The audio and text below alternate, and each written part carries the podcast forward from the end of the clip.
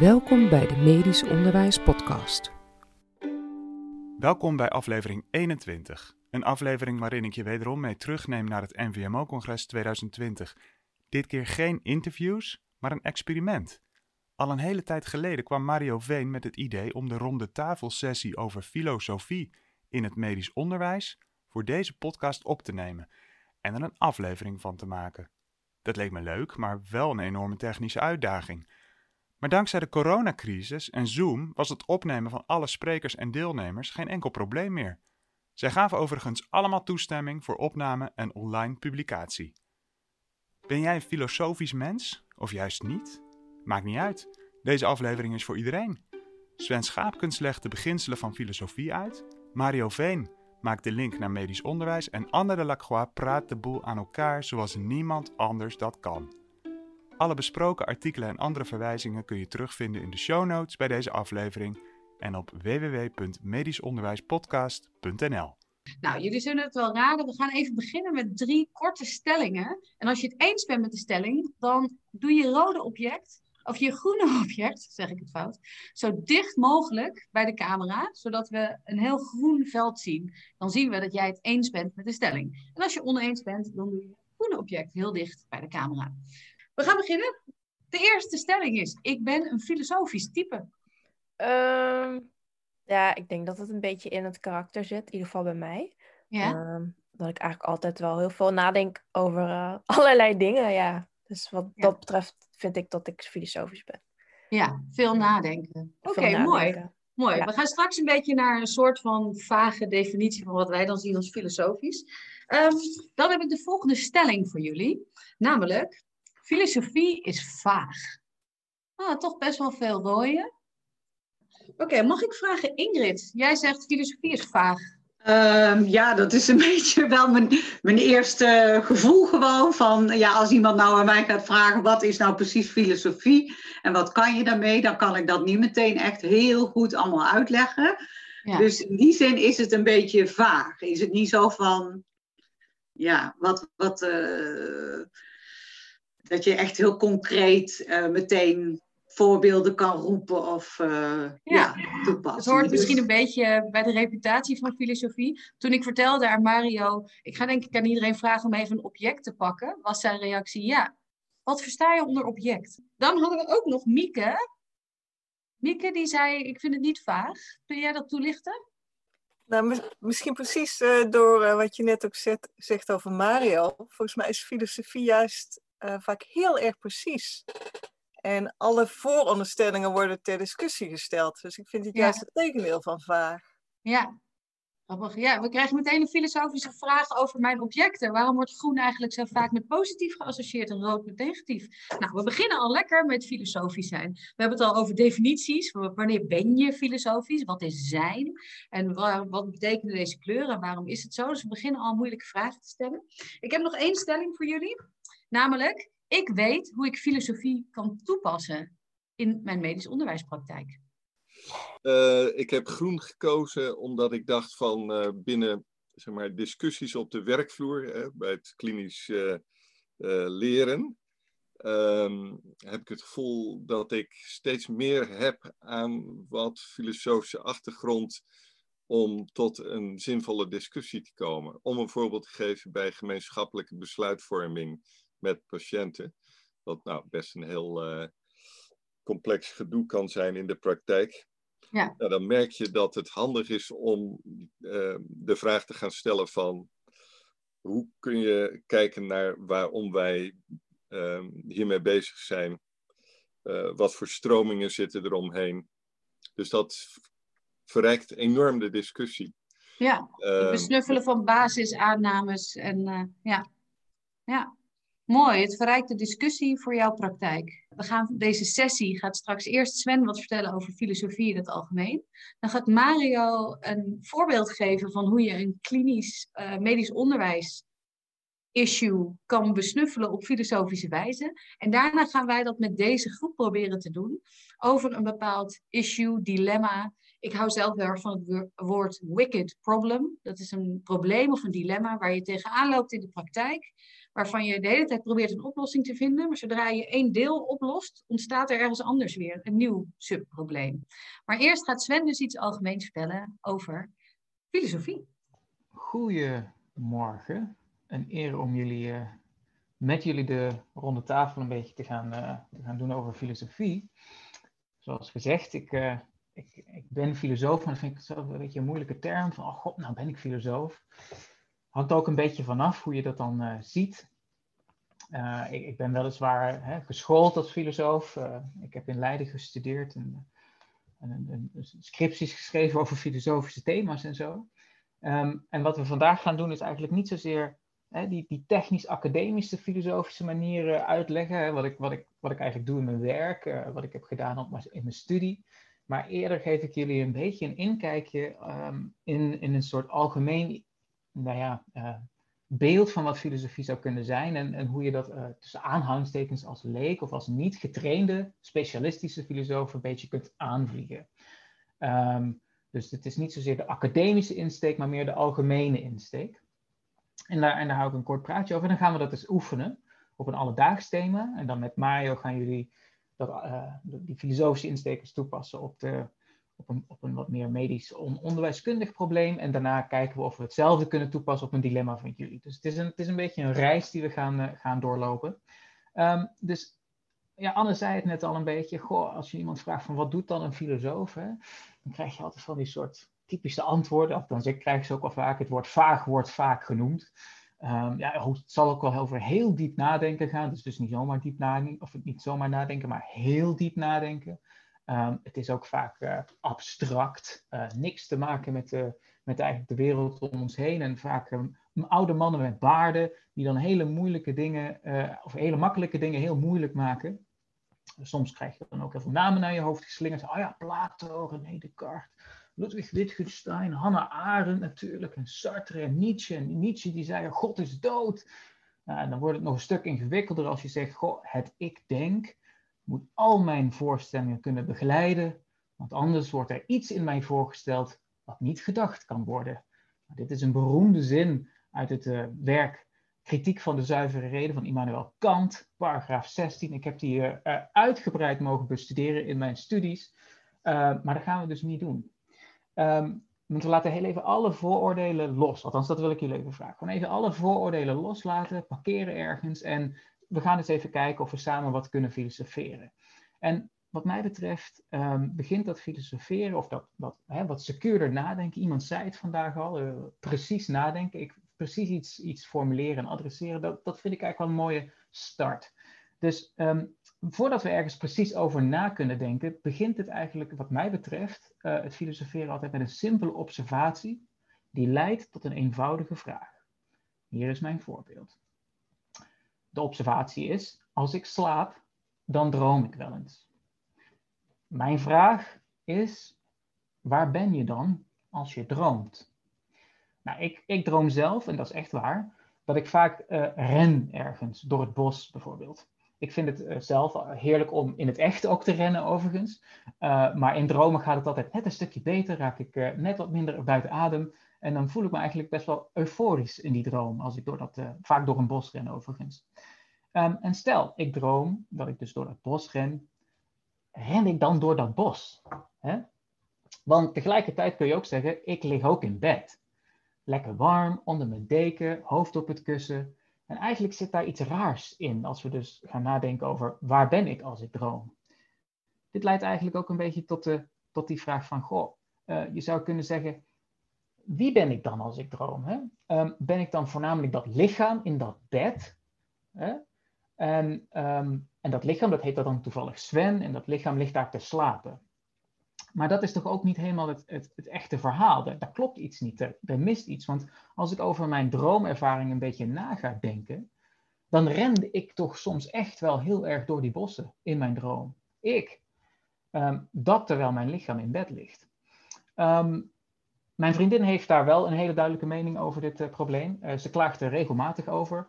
Uh, want s ochtends, als, als, wij samen weer wakker worden, dan van, goh, goh lieverd, heb je weer lopen rennen in je droom? Want ik, heb, ik ben weer wakker geworden, want mijn schenen zijn weer blauw. Jij lag weer te trappelen in bed.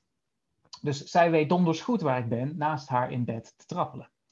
Um, dus ik, ik ben blijkbaar toch een beetje ergens dat trappelende lichaam. En ook ben ik een beetje die, die beelden in mijn hoofd. Hè, die blije gup die dan dartelend door dat bos uh, aan het rondwandelen is. Um, op de een of andere manier kun je zeggen dat ik zowel aan het rennen ben als dat ik stil lig. En dan zie je eigenlijk dat we op een hele simpele manier, door een alledaagse ervaring, bijvoorbeeld dat dromen en een simpele vraag stellen van goh, waar ben ik dan als ik droom, over die hele moeilijke zin van Kant, toevallig, net hebben nagedacht. Van, ik ben niet alleen een lichaam, maar blijkbaar heb ik ook beelden in mijn hoofd. En die beelden samen geven mij ook een soort gevoel dat ik er ook ben. Dus het is niet alleen mijn fysieke lichaam dat ligt te trappelen, maar ook de plaatjes in mijn hoofd dat ik droom.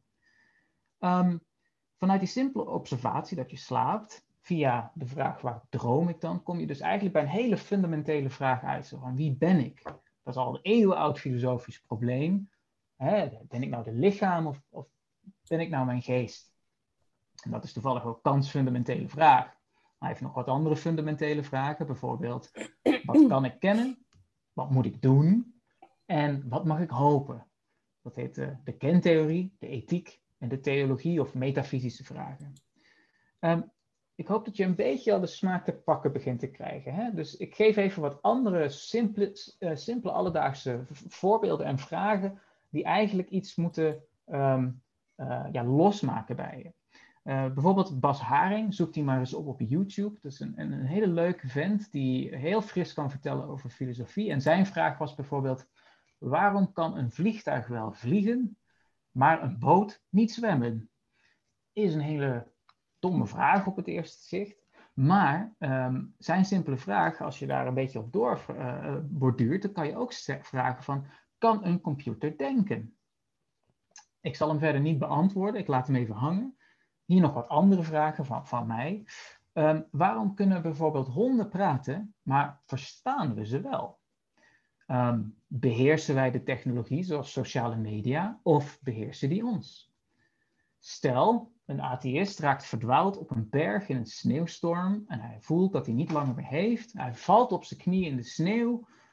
En die atheïst die zegt, oké, ja, God, als u er toch bent, help me.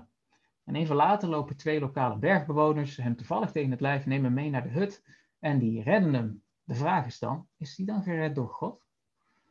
Waarom voel je je vrij als je heel hard een berg affietst? Maar betekent vrijheid ook dat je bijvoorbeeld niet leeft in een dictatuur? En hebben die twee vormen van vrijheid misschien iets met elkaar te maken? Uh, kortom, waar filosoferen een beetje op neerkomt, is onbevangen vragen stellen over die alledaagse ervaringen die je eigenlijk uh, hebt. En dat op het naïeve af. Nou ja, die naïviteit is een beetje moeilijk om die vast te houden. We groeien helaas op. Wij worden volwassen we verroesten eigenlijk. Hè, we raken verstrikt in onze soort standaard zienswijze op de dingen. We raken verstrikt in conventies. En zoals je ouders je misschien vroeger toen je klein was nog wel eens gezegd hebben, ja, ja zo is het nou eenmaal, en nou je mond houden. Nou, dat is eigenlijk wat de filosoof wil bevragen. Zo, het is wel zo eenmaal, ja, dat, dat klopt, maar het kan misschien ook anders. En de filosofie is eigenlijk een beetje die smeerolie tegen de roest de roest die optreedt als je opgroeit. De conventies die eigenlijk jou langzaam verstarren. En um, wat filosofen doen, in mijn ogen, heel versimpeld, dat kunnen we eigenlijk in twee stappen beschrijven. De eerste stap, een beetje die naïeve stap, is eigenlijk de deconstructie. Uh, je vraagt je af, uh, hoe gebruiken we de woorden om alledaagse ervaringen te beschrijven? wat zijn de conventies achter die woorden waarmee we dus eigenlijk hele simpele dingen beschrijven en er verder niet meer bij stilstaan? Waar ben je als je droomt? Um, voel je je soms wel eens vrij als je fietst? Um, die woorden, die gebruiken we nu op een bepaalde manier. En wat de filosoof wil doen, is eigenlijk die woorden gaan bevragen op uh, hun conventies. Dus, wat is bijvoorbeeld pijn? Uh, wat is evidence, het bewijs in evidence-based medicine? wat is zorg? Wat is goede zorg? Wat is patient-centered communication? Wat is empathie en hoe verhoudt zich dat bijvoorbeeld tot authenticiteit en het dokterschap? Um, wat betekent bijvoorbeeld de uitdrukking van een mensenleven in een financiële berekening tijdens corona? Als we nauwkeurig dus die conventies een beetje in kaart hebben gebracht in stap 1, de deconstructie van onze begrippen, dan komt stap 2. En dat noem ik dan even de reconstructie. Daarmee bedoel ik niet dat ik dus precies hetzelfde ga opbouwen, hè, blind kopiëren. Nee, wat we gaan doen in stap 2 is eigenlijk al die begrippen die we dan een beetje hebben afgetast, van goh, hoe gebruiken we ze nou in ons normale taalgebruik, die gaan we eigenlijk een beetje oprekken. Ik denk altijd aan uh, fimo-klei of een beetje aan, aan uh, deeg, pizzadeeg. Hè? Je begint met een bal en vervolgens ga je die uitrekken. Hè? we gaan dat begrip misschien een stukje ervan afsnijden of juist wat, wat, wat, wat langer maken of wat dunner. En um, daardoor proberen we eigenlijk dus te kijken of dat fenomeen wat we proberen te schrijven met dat begrip, of we die misschien wat beter op elkaar kunnen passen. Of dat we het, het fenomeen of onze ervaring op een andere manier kunnen bekijken als we bijvoorbeeld een stukje uit het begrip weghalen. Of misschien iets toevoegen. Um, dit vergt veel creativiteit en daar gaan we eens mee oefenen. Dus ik ga nu uh, jullie iets vragen, namelijk om de komende tijd, totdat ik keer een teken geef, even je mond te houden. Um, dus ik, ik, ik, vraag jullie nu vanaf dit moment 1, 3, 2, 1, je mond te houden.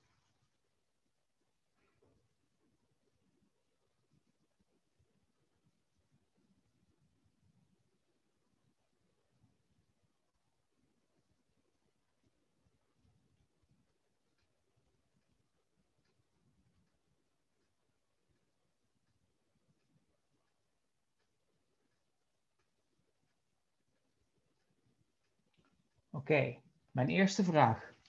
Hoe lang duurde dit moment?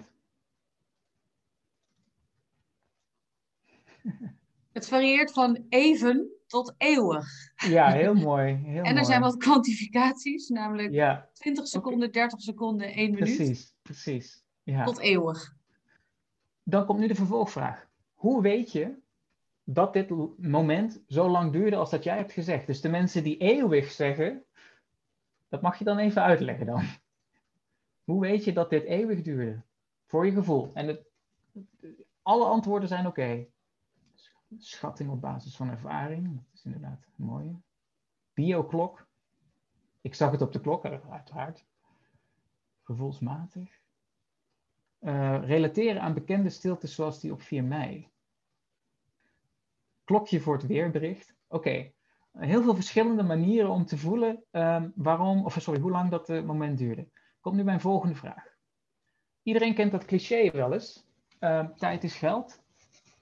Als tijd geld is, laten we even stellen dat dat, dat, dat op een bepaalde manier waar is. Hè. Als tijd geld is, hoeveel heeft die afgelopen 40 seconden gekost? Goud, niets. Onbetaalbaar.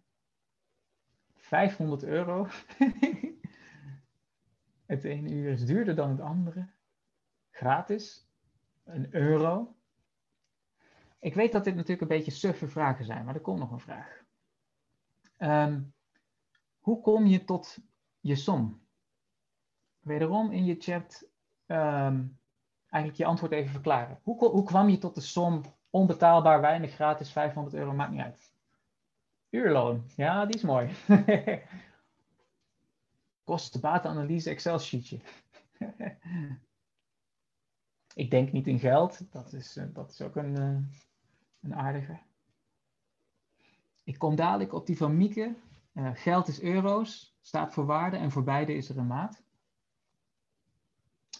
kan het niet in geld uitdrukken, want dat hangt af van het gevolg. Het is te complex om uit te rekenen. Ik verlies me in de tijd, ik heb geen besef van de kosten. Hele gevarieerde, interessante antwoorden dan heb ik nu nog een, nog een vervolgvraag.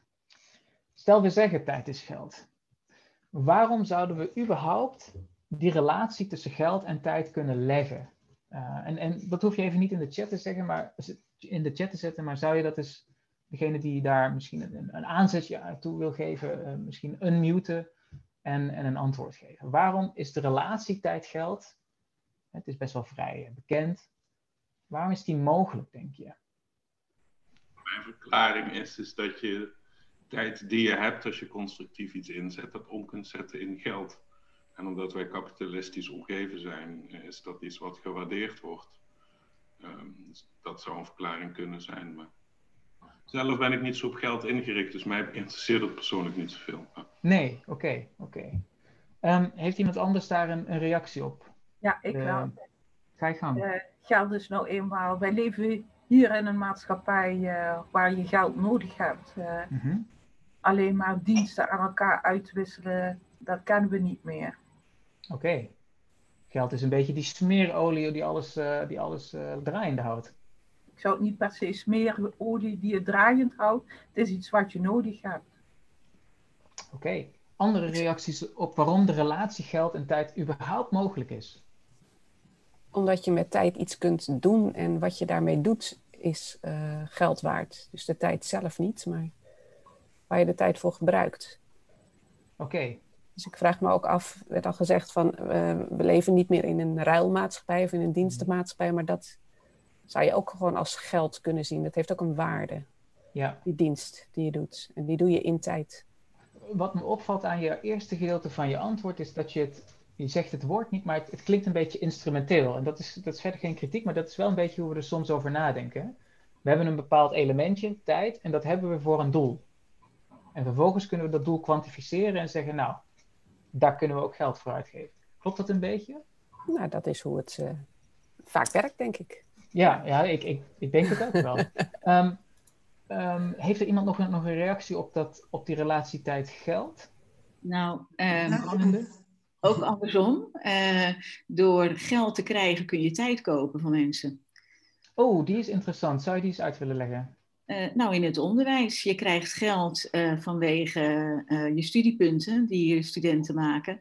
En daar koop je tijd van docenten weer voor. Dus dat is een, een ja, dat is een, een, dat houdt het onderwijs in de houtgreep, zeg maar. In de houtgreep? Op, op, dat bedoel je dan op een negatieve manier een beetje? Eh, nou ja, het is natuurlijk vaak wel belastend. Ja, zo gauw je niet voldoende geld binnenkrijgt, dan eh, moeten de mensen die het onderwijs eh, moeten uitvoeren nog harder werken. Ja. Maar we kunnen, kunnen we hem ook omdraaien van, omdat we het geld krijgen, kunnen we het überhaupt doen? Ja, ja je kan hem positief insteken of eh, een wat negatieve gevoel Ja. Ja. Oké, oké. Ehm, ik, ik hoop We dat gaan ik- eigenlijk nu al naar medisch onderwijs. Ja, dat, dat, dat Naar is eh, heel fijn, ja. Ik, ik, ik, ik, heb, ik rond hem nu langzaam af. Ehm, ik, ik hoop dat iedereen een beetje ziet wat ik probeer te doen met die wat zullige vragen van mij over tijd en geld. Dus nogmaals, die stap 1, hè, het is een beetje algemeen gezegd, maar we tasten nu in die deconstructie, in die naïeve fase een beetje af wat bijvoorbeeld het simpele zinnetje als tijd is geld betekent. Welke, conventies maken het mogelijk te zeggen dat tijd is geld? Nou, we hebben al het een en ander gehoord daarover. En een tweede stap zou zijn, hè, dat toen we eigenlijk, Sylvia is er al een beetje mee begonnen, we brengen meteen hè, op de grenzen van dat begrip in kaart. Hoe functioneert die zin en zijn daar ook problemen mee? En Sylvia zei eigenlijk van ja, goh, daar, daar zit een soort normatief probleem achter. Hè? Als we dus weinig ge- geld krijgen, krijgen we ook weinig tijd en dan, moeten wij harder gaan werken. Ehm, dat is eigenlijk wat we dus aan het proberen zijn. Aftasten, exploreren en vervolgens een beetje die grenzen weer oprekken. En kijken waar het gaat wringen. En, en eh, Sven, jij noemt dat afbreken, noem je eh, deconstrueren. Ja, En dat oprekken noem jij reconstrueren. reconstrueren. Ja. Ja. Dus het oprekken van wat het zou kunnen betekenen en nieuwe invalshoeken om het probleem te benaderen zijn deel van de reconstructie van een probleem. Maar dat kan niet zonder die deconstructie. We moeten eerst de grenzen aftasten. Ja, ja. Dat is ook een beetje wat, wat een van de eerste antwoorden was op jouw vragen, Anne. In mijn geval heb ik ook een beetje over die tijd is geld nagedacht. Ehm, ik denk dat de tijd is heel nauwkeurig meetbaar. Dat zei iemand in de chat. We kunnen gewoon de klok erop naslaan. Ehm, ook het geld is erg nauwkeurig meetbaar. Ehm, en dan vervolgens denk je, als we die twee bij elkaar voegen, tijd is geld, tijd meetbaar, geld meetbaar, dan moeten ze samen toch ook meetbaar zijn. En daar zit een beetje een val.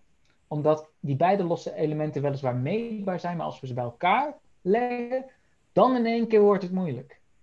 En ons mini-onderzoekje toont dan meteen al aan, oh, er gaat iets wringen. Hè? Waarom is het ene wel meetbaar en het andere ook? Pakken we ze samen, wordt het moeilijk. Ehm, wat betekent dan eigenlijk dus meetbaarheid? Hè? Wat is die instrumentaliteit? Daar kwamen we even al, eh, al op. Blijkbaar moet daar dan een soort doelgedachte achter zitten. Dat zit natuurlijk ook in het kapitalistisch systeem.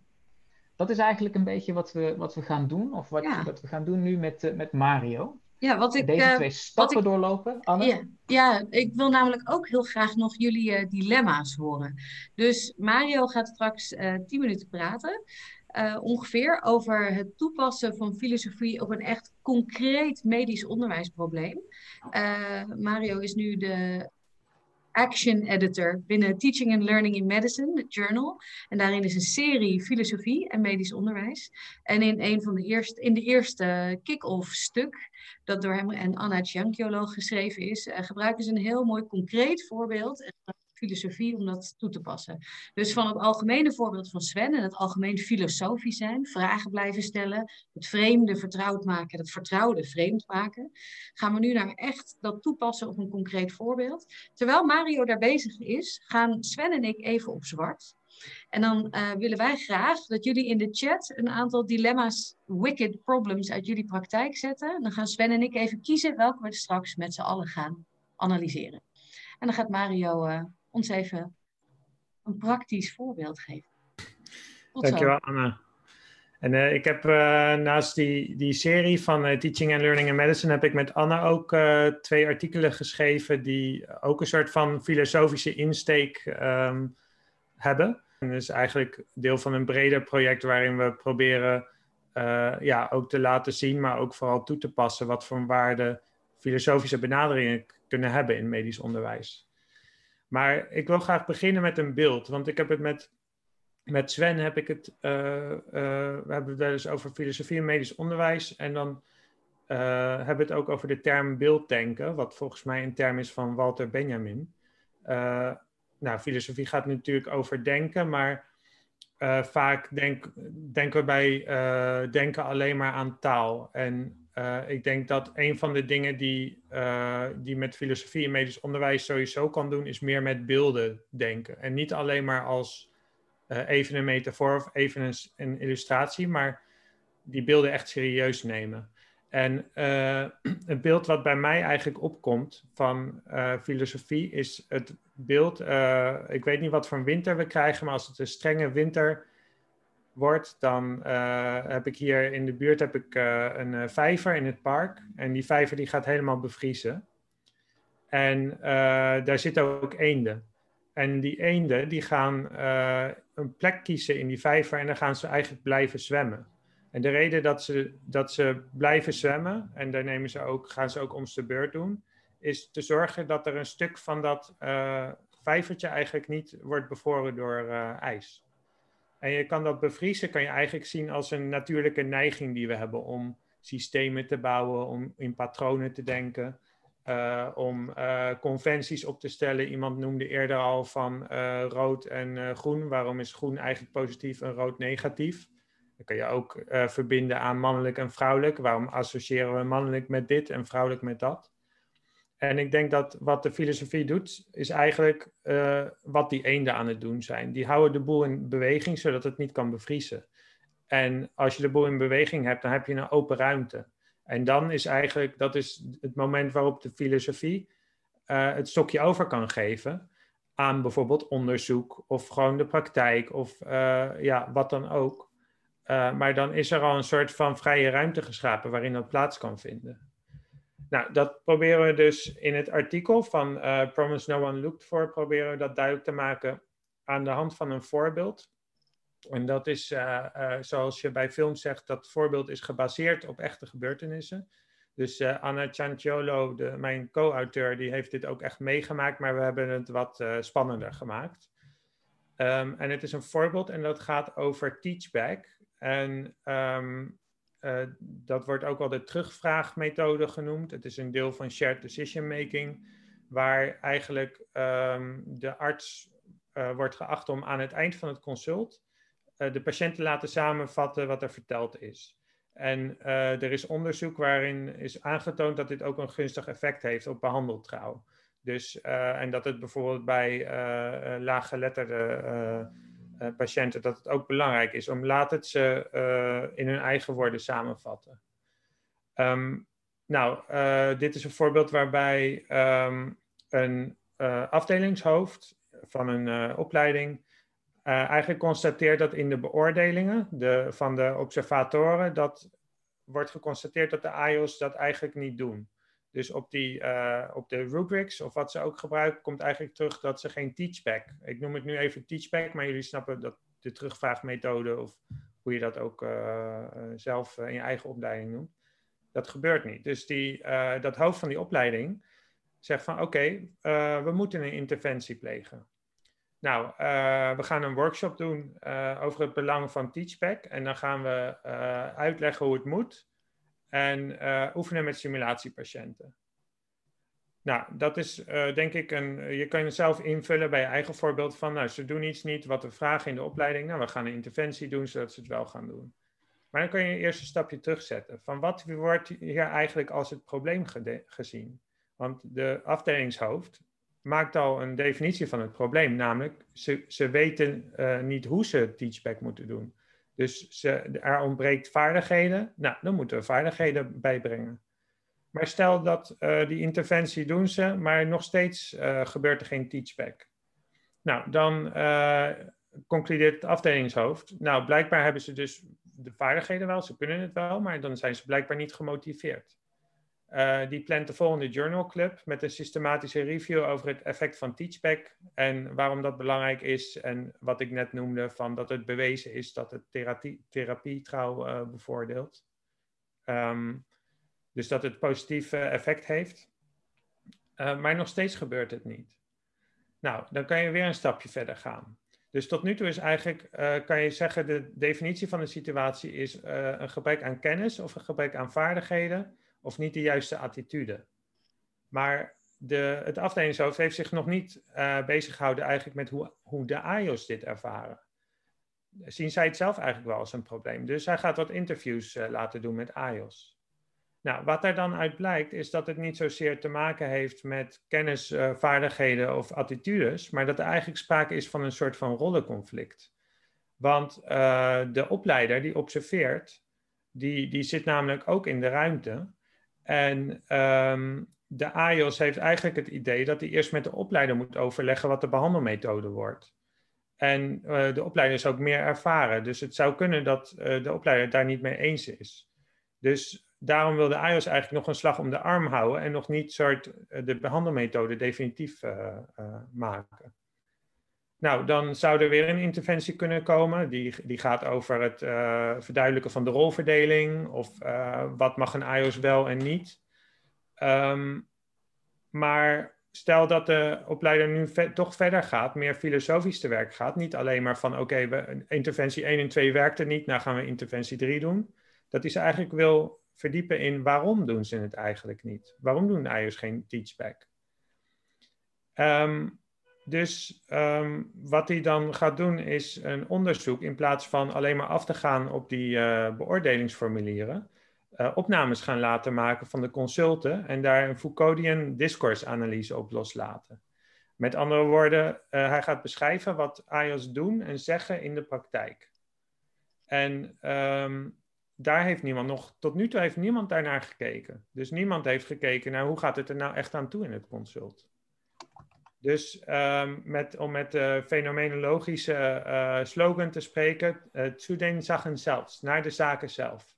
We gaan eigenlijk kijken hoe het er daadwerkelijk in, aan toe gaat, in plaats van af te gaan op onze ja, eigenlijk secundaire inschattingen van de situatie. Nou, met Foucauldian discourse analyse, dan ben je al uh, naar taal aan het kijken en dan ben je al aan het, dat is het ene. En het andere is dat je dat eigenlijk de situatie ook verandert. Het is niet meer uh, de arts, alleen maar de arts en de patiënt, in dit geval de IOS en de patiënt, maar ook nog de opleider. Die, uh, die is ook nog uh, deel van die situatie. En um, een voorbeeld hiervan is onderzoek van Chris Rietmeijer, die, die zit hier ook, die, heeft, die doet promotieonderzoek naar observatie van IOS huisartsgeneeskunde in de praktijk. En een van de dingen die uh, uh, uit het onderzoek naar voren komt, is dat de, de opleider niet eh, alleen maar een observator is, alsof je zeg maar een situatie van buiten bekijkt. Maar die, dus die is geen fly on the wall, maar die is eigenlijk ook deel van die situatie. En dat compliceert de boel. Dus ehm, eh, welke interventie zetten we in? Daar zijn we mee begonnen. Eh, de vaardigheden ontbreken, dus we doen een workshop. De motivatie ontbreekt, dus we gaan het bespreken, het bewijs bespreken. Maar waarom doen ze eigenlijk geen teachback? Nou, misschien moeten we kijken naar hoe ze het ervaren. We gaan interviews doen. Maar wat is eigenlijk de rol van de opleider in de situatie? Die hebben we nog niet meegenomen. Nou, misschien een rollenconflict. Wat doen en zeggen ze eigenlijk in de praktijk? Dus we gaan naar kijken hoe het, uh, uh, de zaken zelf eraan toe gaan. Nou, de volgende stap is dat af kunnen vragen van waarom is het eigenlijk een probleem dat ze het niet zo doen zoals we het willen? Want tot nu toe is er van uitgegaan van ja, ze moeten dit doen en dat is beter. Daar kan je afvragen van waarom willen we het eigenlijk beoordelen? Um, waarom willen we eigenlijk dat ze doen? Is dat omdat in dat consult dat het ten goede komt aan de patiëntenzorg? Of dat het, uh, dat het een vaardigheid is die ze moeten trainen en daarom willen we die vaardigheid zien? Dus eigenlijk los van of het op dat moment voor die patiënt nuttig is, willen we zien dat ze die vaardigheid beheersen. Uh, of is het uh, zo dat dit een concrete techniek is die we kunnen beoordelen met een rubric? En omdat we die rubrics hebben, moeten we ook iets hebben wat we kunnen observeren. Dus eigenlijk waar, dan, je dan op aankomt, uitkomt, is dat uh, die teachback, dat, dat tot nu toe is behandeld als iets wat observeerbaar is. Iets wat op onze radar kan verschijnen als je bij het gesprek zit. Maar misschien is dat helemaal niet zo. Dus dan zou de, uh, het afdelingshoofd zou zich kunnen af gaan vragen: wat is mijn rol in deze situatie? Doen ze, doen ze misschien wel aan shared decision making, maar doen ze het op een manier die niet op onze radar verschijnt? Dus misschien doen die AIOS doen ze wel aan uh, zeg maar wat het doel is van Teachback, namelijk uh, zorgen dat de patiënt ook echt begrijpt en weet wat de behandelmethode is. Maar uh, misschien doen ze het op een andere manier die niet overeenkomt met hoe wij het bedoeld hebben. Zo zou het dus door kunnen gaan. En het gaat dus niet, even terug weer naar die eende, het gaat niet om, eigenlijk alles wat ik heb genoemd, zijn eigenlijk, die stappen zijn allemaal stappen die, die ik denk dat genomen worden al in medisch onderwijs. Maar eigenlijk de extra stap die steeds wordt gezegd, is dat we uh, vragen stellen als, wat definiëren wij als het probleem? En als, uh, als het niet blijkt te werken, is er misschien nog een andere mogelijke definitie van het probleem. En een andere stap die wordt gezet is, uh, oké, we hebben tot nu toe hebben gezegd van nou dit staat vast, zij moeten dat doen en wij moeten het beoordelen. En beoordelen met observatie kan alleen maar van dingen die je kan observeren, logisch. Maar de vraag die je dan kan stellen van, ja, is hetgene wat we willen beoordelen, is dat wel beoordeelbaar en is dat wel observeerbaar? Dus dit is eigenlijk een, ja, een manier waarop je constant kan door blijven gaan. En de uitdaging is natuurlijk, ik zou nu nog wel door kunnen gaan. En dan komen we... Ja, maar ik zit al in je nek te hijgen, dat heb je wel door, hè? Ja, precies. Nou, ik wou eigenlijk naar wat is zijn en wat is niet zijn. En daar zou je dan op uitkomen. Dus um, oké. Anne, ik geef het stokje weer aan jou dan. Ja, hartstikke goed. Ja, wij hebben jullie dilemma's gelezen en het was werkelijk een feestje. We zitten te smullen. Er zaten heel veel dilemma's onder en het in. En het interessante is dat sommige wicked problems... Ik moet trouwens bij een wicked problem altijd denken aan die tekenfilms waarin je een waterpijp hebt en die lekt dan. En dan doe je je vinger erop en dan komt die ergens anders naar boven. Doe je daar je vinger op en dan komt het water ergens anders naar boven. Kennen jullie dat soort beelden? Cartoonesk. Um, maar we zagen heel veel wicked problems en heel veel spanningsvelden. En we hebben een aantal een beetje samengenomen, omdat ze wat elementen van elkaar weg hadden. Dus Sven begint even met het samenvatten van het probleem dat we hier met z'n allen zullen proberen te discussiëren. En we willen jullie vragen, als je wat wil zeggen daarover. Het is de bedoeling dat het een beetje een soort Socratisch groepsgesprek wordt. Um, en als je iets wil zeggen en je wil liever niet meteen op unmute, je mag op unmute, maar je mag ook even gewoon je groene object in een hoekje laten zien. En dan zie ik dat je wat wil zeggen. Dan kom ik bij je. Sven. Goed, een Socratisch gesprek met 50 man is een beetje een uitdaging. Uh, Socratische gesprekken die ik als docent op de universiteit uh, eh, heb gevoerd, die waren meestal met maximaal 15 man. Dus het is een beetje een uitdaging. Ehm, maar wat Anne en ik net hebben gedaan, is inderdaad jullie eh, dilemma's een beetje bekeken. En we hebben geprobeerd een soort overkoepelend dilemma te formuleren waarin een, zoveel mogelijk elementen naar voren kwamen. Ik heb dat even uitgetypt en als je dat eens zou willen lezen, dan gaan wij die systematisch uh, aanvallen, zullen we maar zeggen, met onze filosofische instrumenten. Ehm, hier komt die. Even Hoe kun je studenten en AIOS autonomie of vrijheid geven om een zelfstandige dokter te worden, terwijl er in een hiërarchisch onderwijssysteem heel veel vaste toetsbare bekwaamheidseisen bestaan?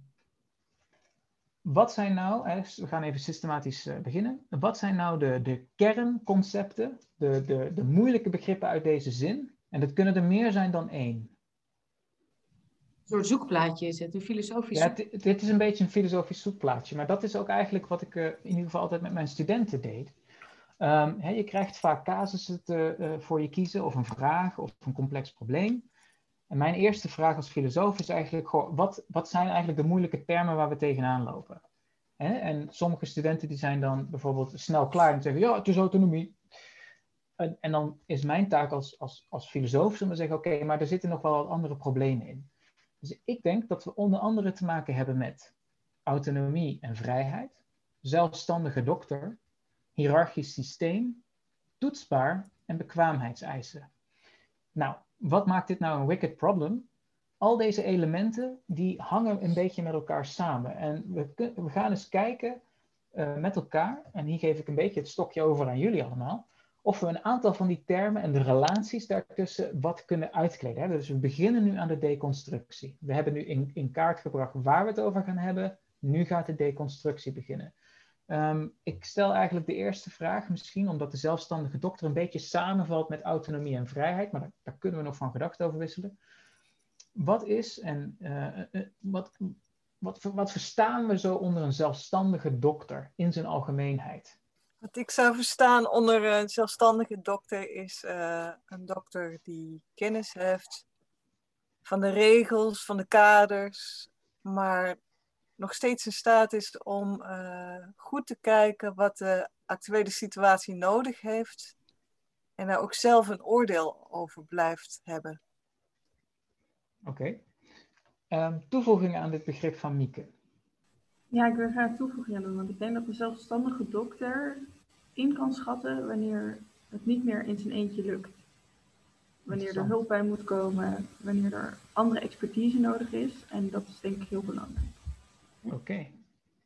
Dus zelfstandigheid heeft hier heel erg te maken met ook hulp inroepen. Dat is, dat is wel grappig, heel interessant. Iets anders wat we nog kunnen toevoegen.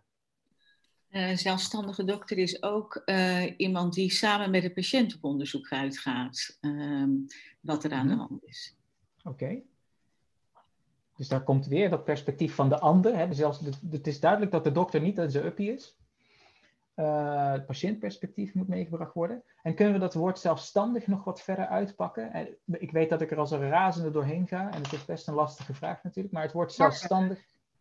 Um, iemand die in staat is om de verantwoordelijkheid te dragen voor de zorg van een patiënt. En Oeh, daarbij, dat is een interessante. Uh, zijn, zijn of haar grenzen ook kent. Ja, ik vind het woord verantwoordelijkheid heel interessant hier. Dat heeft inderdaad wat te maken met, met zelfstandig, denk ik. Uh, nee, ik denk dat het ook heel belangrijk is als zelfstandige dokter dat je ook kan reflecteren uh, mm -hmm. op jouw handelen en op jouw grenzen en op jouw, uh, jouw kunnen. Oké, okay.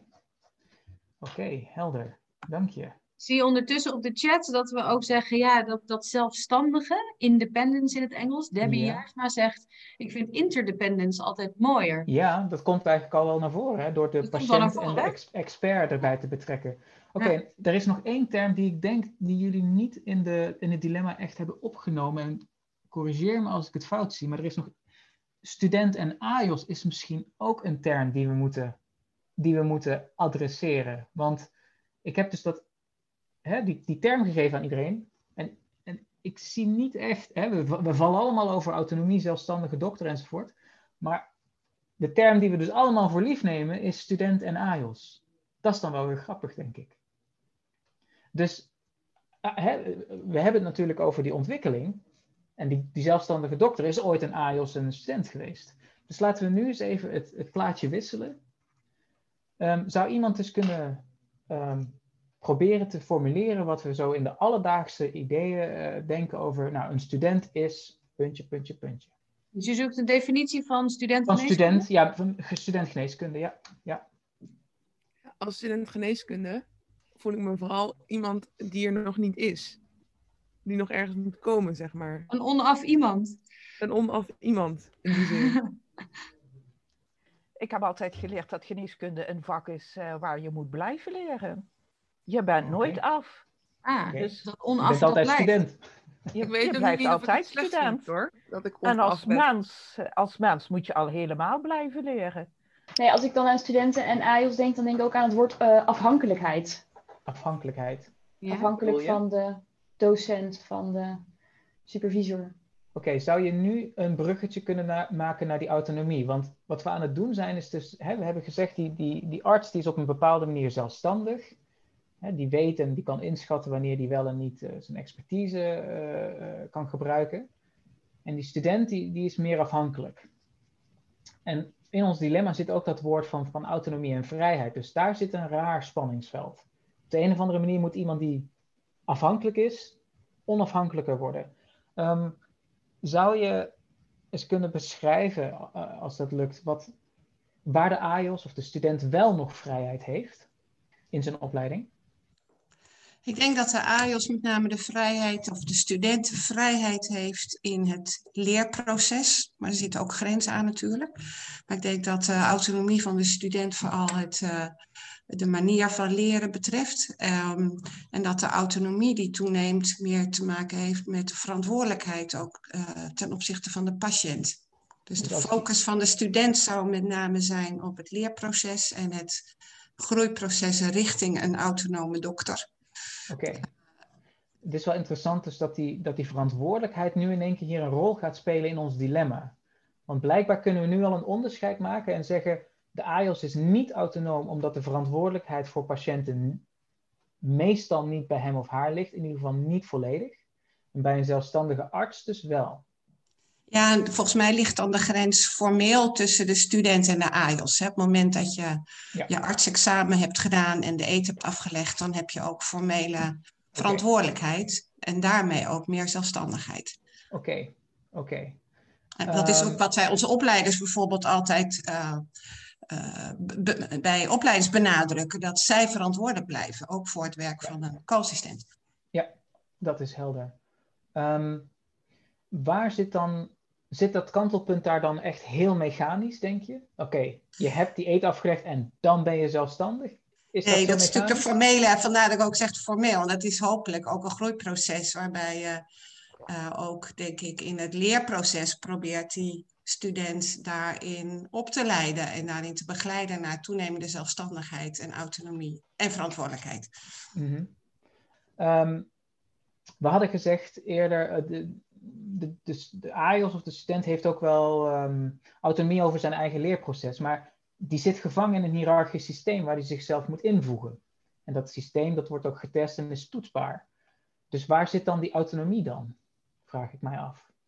Er zijn een aantal basisprincipes, eh, vaardigheden en, en kunde, maar daarbuiten kun je daar toch een, een hele eigen stijl aangeven. Gelijk elke arts zijn eigen stijl heeft, komt de student met veel artsen in aanraking en kan die kiezen Mhm. eh, wat, welke stijl hem het beste ligt en hoe dat hij dat zelf wil ontwikkelen of misschien iets helemaal nieuws doen, zolang dat dat eh, blijft kloppen met de, de basiskenniskunde en regels, denk ik.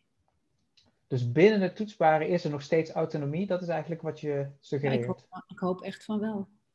Er wordt, eh, er wordt trouwens in de chat ondertussen gezegd, eh, ehm, krijgen studenten eigenlijk te weinig autonomie nu? Ja, En- dat, dat- nou, nou komen we een beetje bij de reconstructiefase, want hier begint het te wringen namelijk. Juist. Dat- Tot nu toe denk ik dat we veel aan de, in de deconstructie hebben gezeten. Ja, wat Nogmaals, betekenen dit gaat met een vliegende vlucht. Ehm, ja, is er, is er dan te weinig autonomie als je student bent om ooit zelfstandig dokter te worden? Ja, ik, ik denk wel eens dat ehm, we eh, hebben het vaak over die autonomie in relatie met de patiënt. En Ja. dan snap ik heel goed dat je ehm, die zelfstandigheid heel zorgvuldig wil opbouwen. ik zag net ook al in de chat een heleboel dingen over patiëntveiligheid en dat is heel logisch. Ja. Maar ik heb het idee dat onze studenten heel veel autonomie aan zouden kunnen op allerlei andere vakgebieden. En ik denk Ja. dat we dat veel te weinig doen in het curriculum. Kun je daar dan- voorbeelden van geven? Nou, als je kijkt naar andere opleidingen. Ik heb ook een tijdje in het HBO eh, gewerkt, niet in de zorgdomein. En dan zie je dat studenten prima opdrachten, bijvoorbeeld van eh, externe opdrachtgevers, kunnen uitvoeren als ze 22 zijn. En daar zit ook nog vaak een enorm geldbedrag aan gekoppeld. En dat kunnen ze allemaal prima. Ze kunnen ook heel goed een bestuursjaar doen. Ze kunnen een heleboel autonomie aan, maar we geven het ze niet, omdat het bij ons vaak in relatie tot de patiënt staat. En ik denk dat daarom de. En dan krijg je altijd de discussie: zijn het generieke competenties die ehm, Ja. vertaalbaar zijn naar een andere context? Oftewel, krijg je autonomie in een bepaalde competentie, kan je die dan vertalen naar autonomie in de zorg? Mhm. Maar ik weet niet hoe de studenten hierop zouden reageren, maar ik vind dat we ze veel te lang klein houden Ja. ehm, en veel meer keuzevrijheid en autonomie aan zouden eh, kunnen bieden. Ik, ik, ik vind het interessant omdat jij nu eigenlijk de discussie op een wat hoger plan brengt. Want we hebben dus wat, wat geëxploreerd door te zeggen, nou, die autonomie van een zelfstandige dokter, die zit hem in patiëntverantwoordelijkheid. Vervolgens zeggen we, de AIOS of de student heeft dat in ieder geval minder, zeker de student. En jij zegt, nou, die verantwoordelijkheid, als daar de autonomie op leunt, dan geven we ze heel weinig autonomie tijdens de, ehm, de opleiding. Misschien moeten we dus over autonomie anders gaan nadenken en kijken waar er andere gebieden van autonomie mogelijk zijn. Zo vat ik het maar even samen. En wat je dus nu ziet is dat we van een eh, deconstructie van het begrip autonomie en zelfstandig dokter en student gekomen zijn naar, goh, we moeten die autonomie gaan bevragen. En wat betekent dat dan? En zijn er andere velden van autonomie te bedenken voor eh, eh, studenten in opleiding? Dus sorry, net als net bij het voorbeeld van Mario, waar die begon met een praktijkprobleem en heel veel kritische vragen stellen, gaan we nu richting het. We hebben nu aanwijzingen waar we zouden kunnen gaan snuffelen naar andere richtingen en andere operationalisatie, operationalisatieseringen van bepaalde concepten. Dus dit is een, een soort mini-voorbeeld waar we natuurlijk heel licht even iets hebben aangeraakt.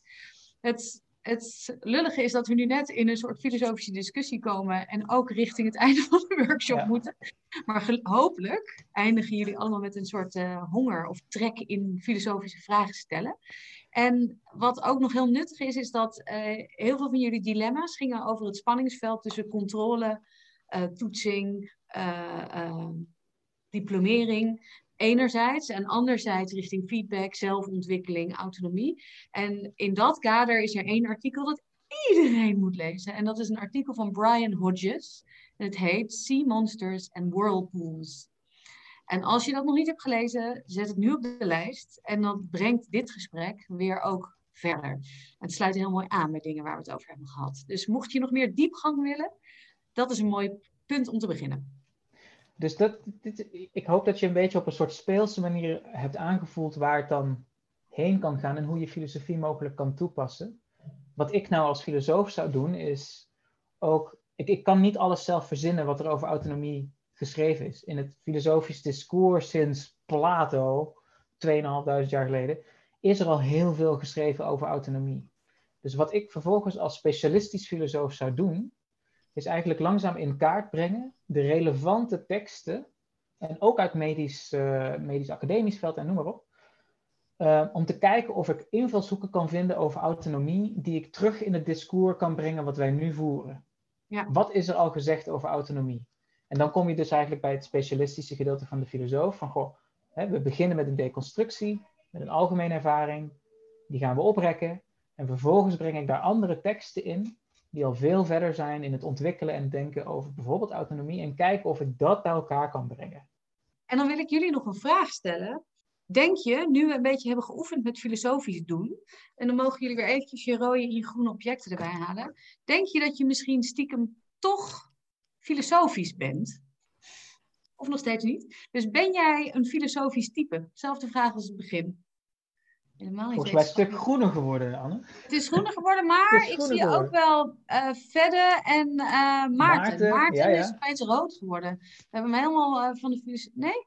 Vertel Maarten. Nee, ik was al rood. Oh, je was in rood. Nee, je bent nog steeds rood. Je bent gewoon Ja, ja, rood. ja, nee, maar nee, nee, ik zou mezelf als een hele praktische en pragmatische uh, leerling uh, willen beschouwen. En, maar ik ben absoluut geen denker en filosoof. ik zou het wel graag willen, maar dat ben ik nog niet. maar ik, wil, ik, ik leer er graag over. Dus ja. dank jullie wel. Gedaan, Mooi dat, dat er een van de weinige rode personen toch een groene opmerking maakt.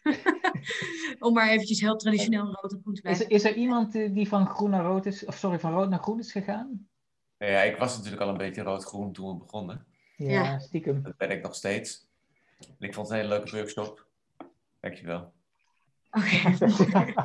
Dankjewel. Ja, wat, wat uh, wij hebben uh, proberen te laten zien, is dat er vaak, uh, dat we in dit veld over het algemeen nogal doeners zijn.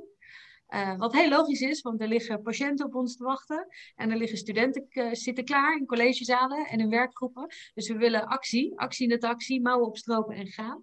En dat dit, je hebt nu gemerkt, we hebben eigenlijk in uh, meer dan een uur nu ongelooflijk veel vragen gesteld. En maar vragen stellen. En het frustrerende kan zijn voor echte doeners, is waar komt de oplossing nou, zodat ik weet waar ik heen moet.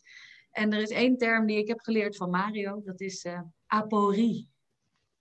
Het even blijven zitten in een badje van, ik weet het nog niet helemaal. En ik snap het ook nog niet helemaal, maar ik blijf er even echt lekker in zitten. En over het algemeen heb ik het idee dat wij daar in dit veld niet per se heel goed in zijn. En dat we dat wel doen door dit soort gesprekken. Want we zijn niet echt richting een oplossing. We zijn wel dertig vragen rijker en we worden wijzer met z'n allen. En dat is een oefening in een soort, uh, ik hoorde laatst iemand zeggen, perspectivistisch lenig worden. Productieve verwarring. Productieve verwarring. Dus wij hopen een beetje dat we jullie productief in verwarring hebben gebracht.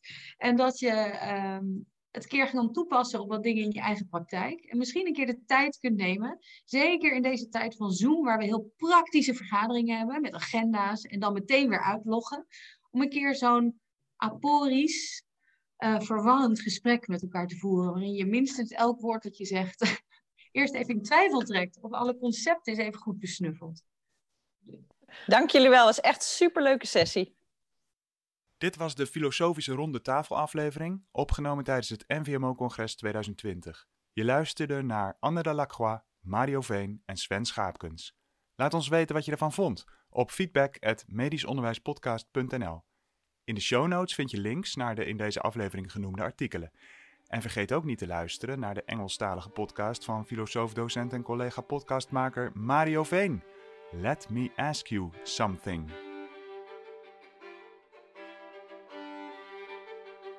Bedankt voor het luisteren naar de Medisch Onderwijs Podcast.